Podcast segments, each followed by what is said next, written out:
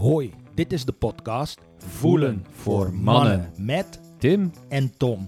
met deze podcast willen we met persoonlijke verhalen en het delen van kennis mannen inspireren om nog bewuster te leren voelen.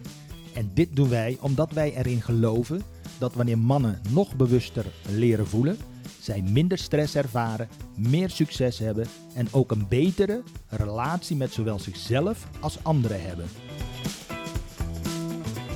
In deze aflevering, de allereerste officiële aflevering, eh, zijn wij de gasten zelf, Tim. Ja, Tom, klopt, dat zijn wij. Dat is ook bewust gedaan, hè? Dat is heel bewust gedaan.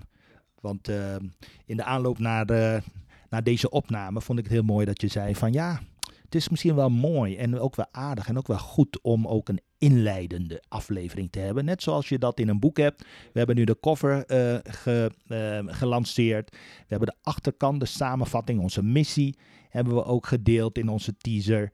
Dus hoe mooi zou het zijn om ook even de making of en het ontstaan, maar ook zelfs onze ontmoeting, dat we daarin ook laten we zeggen, onze luisteraars ook even meenemen in van, ja, waar we vandaan komen. Ja, En we kiezen er dan voor om dit nu gezamenlijk te doen. Eh, en onze persoonlijke verhalen komen individueel hierna ook nog aan bod natuurlijk. maar om helemaal bij het begin te beginnen, Tim. Wie ben jij? Nou, ik zal me even kort voorstellen. Mijn naam is Timothy Brugner. Ik ben 47. Ik woon in Rijswijk. Ik heb een Nederlandse moeder en een Indonesische vader. Ik heb eigenlijk altijd in Den Haag gewoond. Ehm, ik ben getrouwd met een hele lieve Surinaamse vrouw. Die heb ik leren kennen op Schiphol, heel wat jaartjes geleden. En wij hebben samen één dochter, die is tien en die, eh, die zit nog op de lagere school. En jij, wie ben jij Tom? Ja, Tommy McDonald, 55 jaar. Ehm, geboren in Suriname. Tot mijn achtste dag gewoond met mijn moeder. Zonder vader op, eh, opgegroeid overigens. Eh, vanaf mijn achtste tot mijn achttiende zijn we, eh, heb ik gewoond op Curaçao.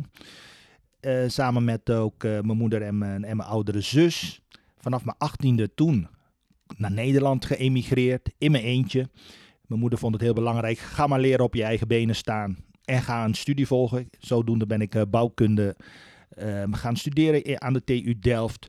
Tijdens mijn studie kwam ik na een aantal jaren, na een aantal jaren dat ik heel veel heimwee had naar, eh, naar Curaçao, dat spelen, de muziek, noem maar op, vrienden, kwam ik in aanraking met een studentenband. En dat was een hele gemêleerde groep eh, van, eh, van studenten, maar ze maakten allemaal mijn lievelingsmuziek. Salsa, merengue, bachata. En weet je wat het mooie was, Tim? Toen ik stage ging lopen, toen werd ik vervangen door, eh, door een andere percussionist. Want ik ben percussionist, hè? conga's, bongos eh, en noem maar op, timbales. En ik werd vervangen eh, omdat ik stage ging lopen voor een aantal maanden. En degene die mij verving op dat moment, dat was Saskia. En zij is tot de, dag van vandaag mijn huidige vrouw. Mijn lieftallige vrouw, die, met wie ik drie fantastische kinderen inmiddels heb. We wonen in Den Haag. Twee van de kinderen zijn inmiddels de deur uit, ze zijn het huis uit. Eh, wonen op kamers. En we hebben nog een derde van, eh, van 14, die, eh, die nog, nu nog op de middelbare school zit. En als we helemaal teruggaan naar het begin, onze eerste ontmoeting. Wauw, dat is een tijdje geleden. Dat is een tijdje geleden.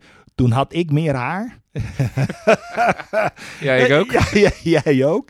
Ehm, jij ziet er nog steeds even fit uit. Ik, heb- was, ik, volgens mij, ik was niet zo grijs als ik nu ben, denk ik. Ja, ja, ja, ja. En ik ben denk ik ehm, wat, laten we zeggen, in, eh, ik zit in een iets andere gewichtsklasse. Ehm, als we het even in termen van gespe- gevechtsport hebben, zit ik in een iets andere gewichtsklasse. Maar goed, dat, eh, dat even terzijde. Maar er is wel een bruggetje naar van hoe we elkaar hebben ontmoet. eh. Ja, Tommy is gewoon een zwaargewicht. En eh, wij kennen elkaar 15 jaar geleden vanuit ook de vechtsport eh, achtergrond. We hebben allebei dezelfde sport gedaan en daar kennen we elkaar ook van. Eh, dat was eh, Eskrima, ook wel genoemd Kali of Arnis, of op zijn Engels FMA, Filipino Martial Arts. Dat is onze eerste ontmoeting en we hebben toch best wel, volgens mij, twee, tweeënhalf jaar eh, hard samen getraind erin. Denk ik, ja, zo pakken mee, twee jaartjes. Goh, het is, eh, in mijn beleving was het veel korter. Maar misschien eh, omdat ik, eh, wat mij vooral in, in herinnering is bijgebleven, in mijn herinnering is bijgebleven, is dat we vooral een eetclub hadden met elkaar. onder de fantastische naam de Vreedclub. Niet de Feitclub, maar de Vreedclub. Juist, de, juist. En dan met een V, inderdaad. En, ehm, en dat was hij. En een heel mooi eh, een, een ge- gevolg van dat er een paar eh, van, die, van, die, van die brothers daar, eh, die ook aan het trainen waren, dat, ehm, dat ook bleek dat wij een andere passie deelden Ja. dan alleen maar, eh, laten we zeggen, met stokken, et cetera, gewoon elkaar te lijf gingen. Ja, de passie die wij deelden, en die is voor jou of mij tot de dag van vandaag nog steeds even aanwezig. Dat is de passie voor heerlijk en lekker eten. Heeft ook iets met gevoel te maken. Maar goed, dat, eh, dat komt wellicht Zeker. in een van de volgende afleveringen wel aan de orde. Van eh, wat voelen en, en, en liefde voor eten met elkaar te maken hebben. Maar middels die, die laten we zeggen, de vreedgroep eh, app, hadden we dus ook, laten we zeggen, toen, eh, toen we in die, in die fase van de pandemie waren, van, van corona waren, hadden we desondanks, ondanks dat de restaurants allemaal gesloten waren en het initiatief om thuis bij elkaar te eten er niet had gehaald, hadden we nog wel gewoon contact via de app. Ja, klopt. En Klopt. tijdens een van die appwisselingen, toen eh, reageerde jij op, op een bepaalde manier. Ja, ten tijde van start van corona werd ik ziek. En ehm, dat deelde ik ook met, met jullie en met jou. Ehm, en eh, nou, wat je verwacht en wat er gebeurt is tot je vrienden er voor je zijn. En we, we kregen ook eh, andere soort gesprekken, omdat er iets met mij aan de hand was gedurende de tijd van de coronapandemie.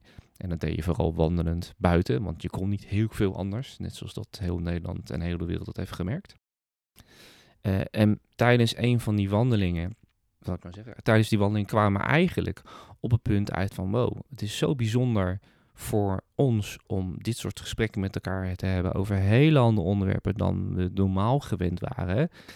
Maar ja, je, je- er zijn ook andere dingen in het leven die heel belangrijk zijn. En eh, voor mij heel erg helend om gewoon goed ge- gesteund te worden door jou. Eh, in, in die wandelingen, in die gesprekken over hoe het gaat, hoe, eh, hoe ik me voel en hoe we, hè, eh, het beter worden proces loopt.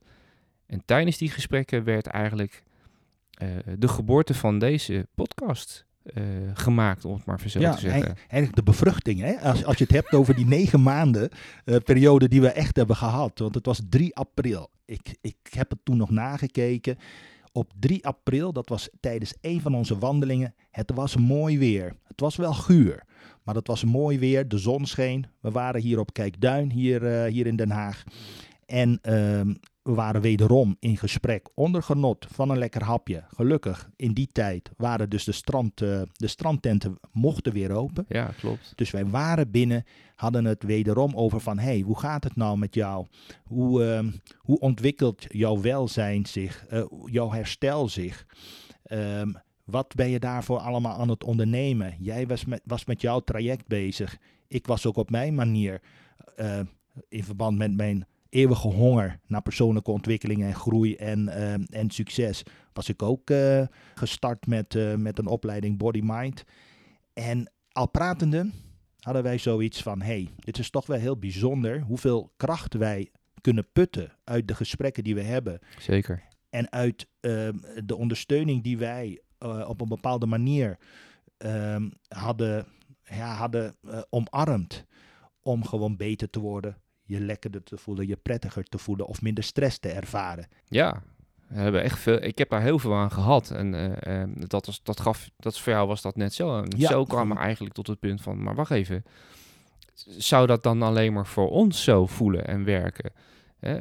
zijn er dan misschien niet meer mensen die behoefte hebben aan, aan zoiets? Ja. Zo, zo kwam het balletje. En, en in het bijzonder misschien wel niet, eh, niet zozeer in zijn algemeenheid meer mensen, maar misschien wel meer mannen. Ja, mannen. Want we constateerden ook in onze gesprekken van hé, hey, die, die gesprekken die wij, die wij met elkaar voeren, of de hulpbronnen die wij aanboren om ons gewoon, om ons gewoon prettiger te voelen, beter te maken, noem maar op.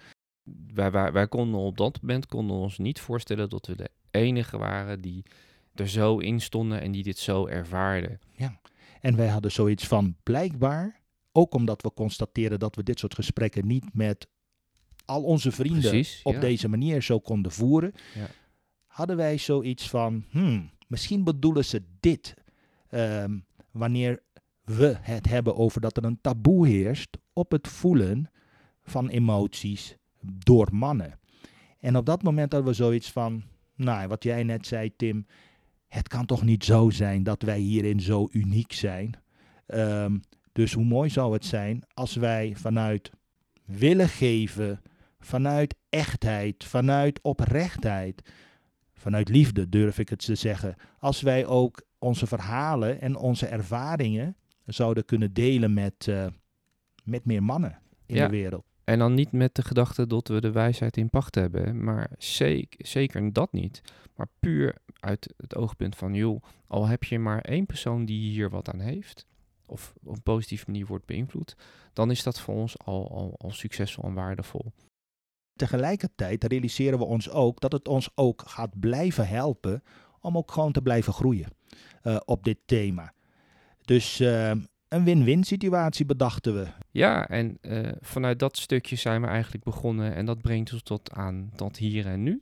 Vandaar dat we ook hebben gezegd, joh, laten we die eerste inhoudelijke aflevering samen doen, zodat de luisteraar een beetje een, een inleidende kijk heeft in eh, wie we zijn, wat we doen, hoe we zijn gekomen, voordat we inhoudelijk eh, de diepte zeg maar ingaan. Dit was Voelen voor Mannen, de podcast waar we mannen inspireren en uitdagen om nog bewuster te voelen. Dankjewel voor het luisteren. En proef dit nou meer, abonneer je dan op deze podcast. Oh ja, heb jij een mooie ervaring als man of ben je een expert rondom voelen voor mannen en wil je hier graag wat over delen? Stuur ons dan een mailtje naar podcast@voelenvoormannen.nl. En misschien ben jij wel onze volgende gast.